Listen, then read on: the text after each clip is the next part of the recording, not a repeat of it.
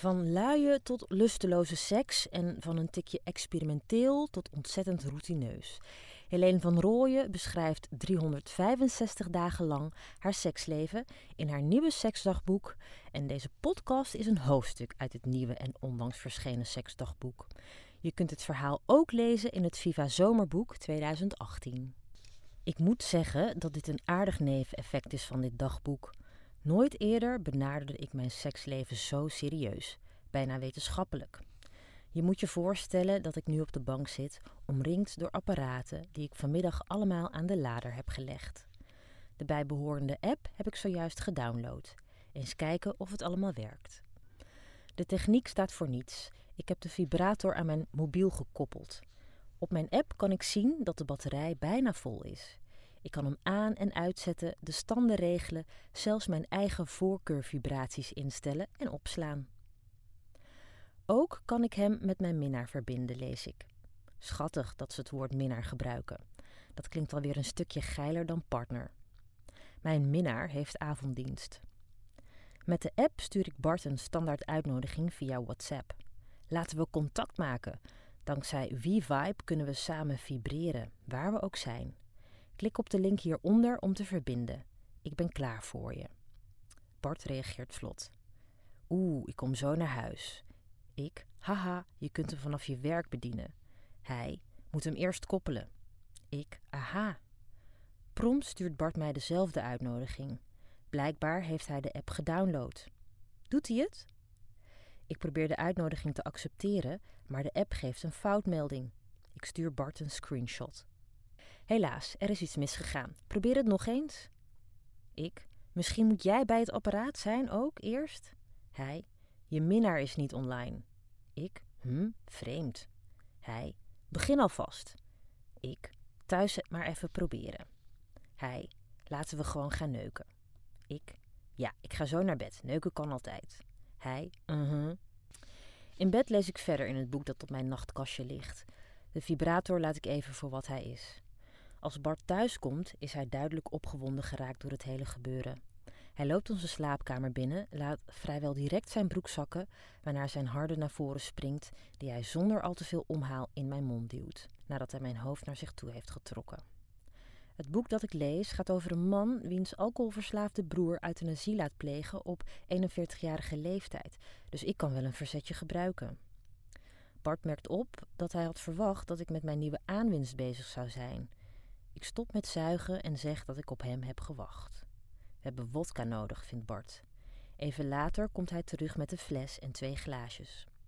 We gaan naast elkaar liggen en na enig technisch gepiel lukt het hem om verbinding te maken met de vibrator. De app geeft me een waarschuwing.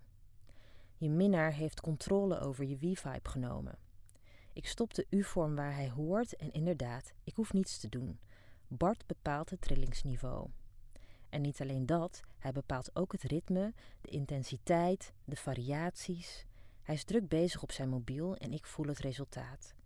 Geil is het niet, het is eerder komisch, omdat Bart de app helemaal binnenste buiten keert. Hij probeert alle voorgeprogrammeerde trillingssequenties uit en ik ben het proefkonijn.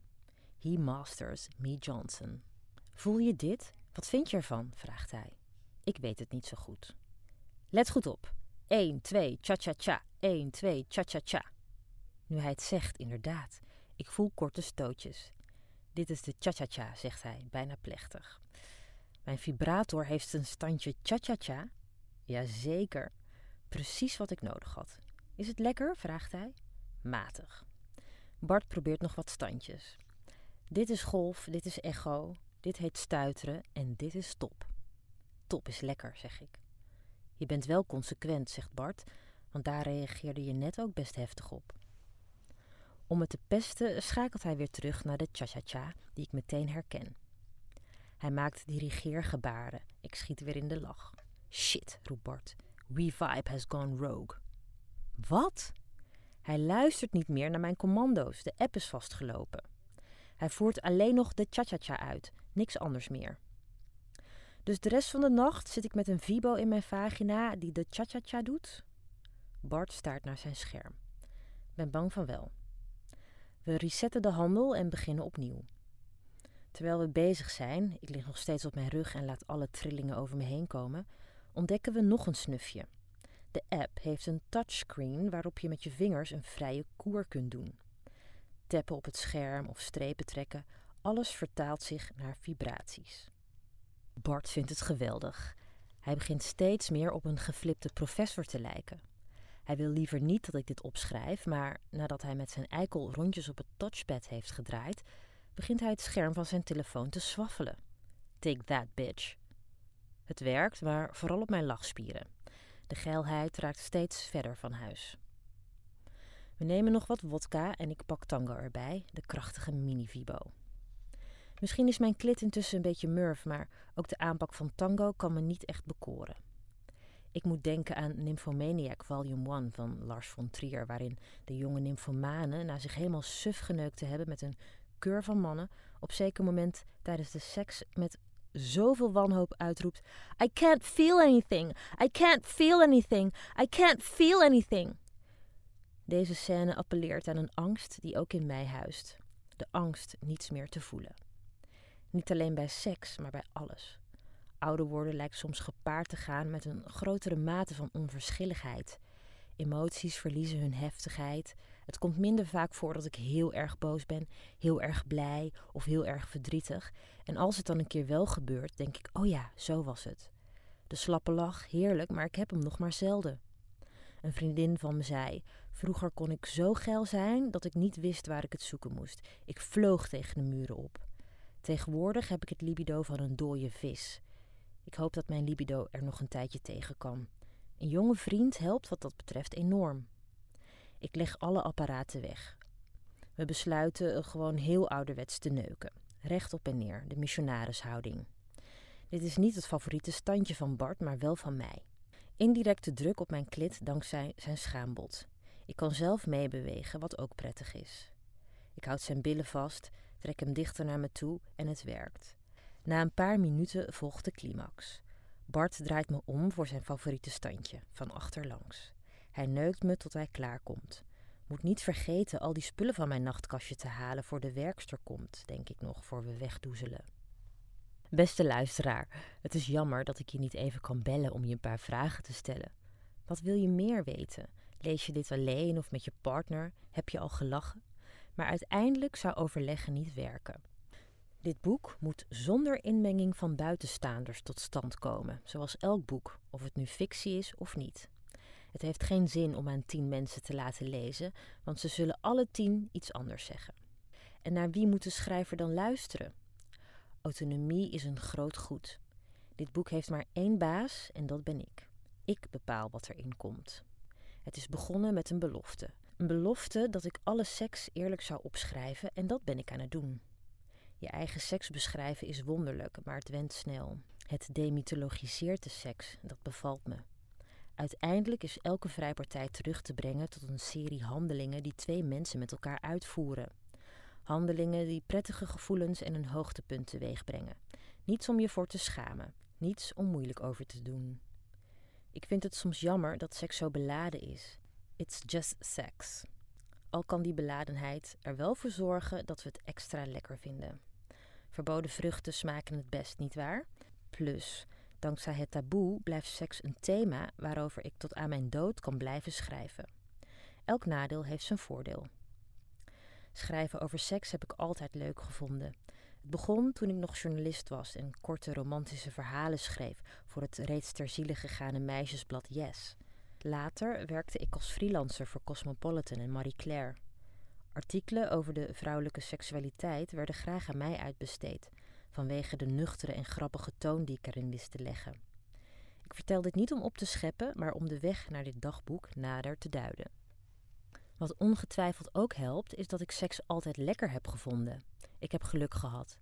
Natuurlijk ben ik wel eens een potloodvender tegengekomen, maar dat vond ik vooral sneu. Natuurlijk heeft iemand wel eens iets bij me geprobeerd wat ik niet wilde, maar dankzij mijn grote Amsterdamse bek droopt diegene met zijn staart tussen zijn benen af. Tijdens een vakantie ben ik wel eens in mijn kruis gegrepen door een buitenlandse man, maar die heb ik een knal verkocht. Geen trauma's op dit vlak. Ik vrees dat ik sommige mannen eerder heb afgeschrikt met mijn seksuele agressie dan omgekeerd. Seks heeft me altijd gefascineerd. Toen ik stage liep bij Haarlems Dagblad, mocht ik een bejaard echtpaar interviewen dat een 60-jarig huwelijksfeest vierde. Er was appeltaart met slagroom, de burgemeester bracht een bloemetje, de fanfare speelde en de lokale persfotograaf schoot foto's. Ik stelde de obligate vragen over hun eerste ontmoeting en het geheim van hun liefde. Hebt u eigenlijk nog seks? vroeg ik ter afsluiting nieuwsgierig. De fotograaf keek geschokt. Hij was zijn tas al aan het inpakken. Ach, zei de man, als we s'avonds naar bed gaan, geef ik haar een kus en soms nog een kus, dat is het. Wat? vroeg ze. Zijn echtgenote bleek hardhorend. Of we nog seks hebben, schreeuwde de jubilaris. Oh, dat, ze haalde haar schouders op. Ik heb er eigenlijk nooit wat aan gevonden. Waarna de taart werd geserveerd. Ik heb er eigenlijk nooit wat aan gevonden. En dat na 60 jaar huwelijk. Zij was ongetwijfeld een van de honderdduizenden en misschien wel miljoenen vrouwen wier seksleven zich zo liet samenvatten. Ik vond het sneu. 60 jaar droge biscuitjes in plaats van appeltaart met slagroom. Je weet niet wat je mist als je het niet hebt, maar toch. Je gunt ieder mens, iedere vrouw de sensatie van ongebreidelde geilheid. Van een spetterend orgasme. Daarover gesproken, ik moet je nog even bijpraten over vanochtend. We worden uitgerust en blij wakker. Het is mooi weer. Het raam staat wijd open. We zijn allebei naakt gaan slapen. Ik klim op Bart. Hij verzucht dat hij de hele week te druk is geweest om ook maar iets met zijn piemel te doen. Ik kus hem en snuffel in zijn nek. Hij ruikt lekker. Hij ruikt naar een mengeling van zomer en zichzelf, zoet en zalig. Ik blijf mijn neus maar tegen zijn huid drukken en hem diep insnuiven. Bart moet lachen. Hij is intussen hard en schuift zijn erectie behendig in me. We neuken en tongzoenen. Na een tijdje wisselen we van plaats. Ik onder, hij op me, op zijn knieën. Ik pak even mijn fibo erbij, maar die leg ik al snel weer weg. Kom je op me liggen? vraag ik. Dat doet hij. Het is makkelijk. Ik kom snel klaar. Bart komt weer overeind, pakt mijn benen en zet mijn voeten tegen zijn borst.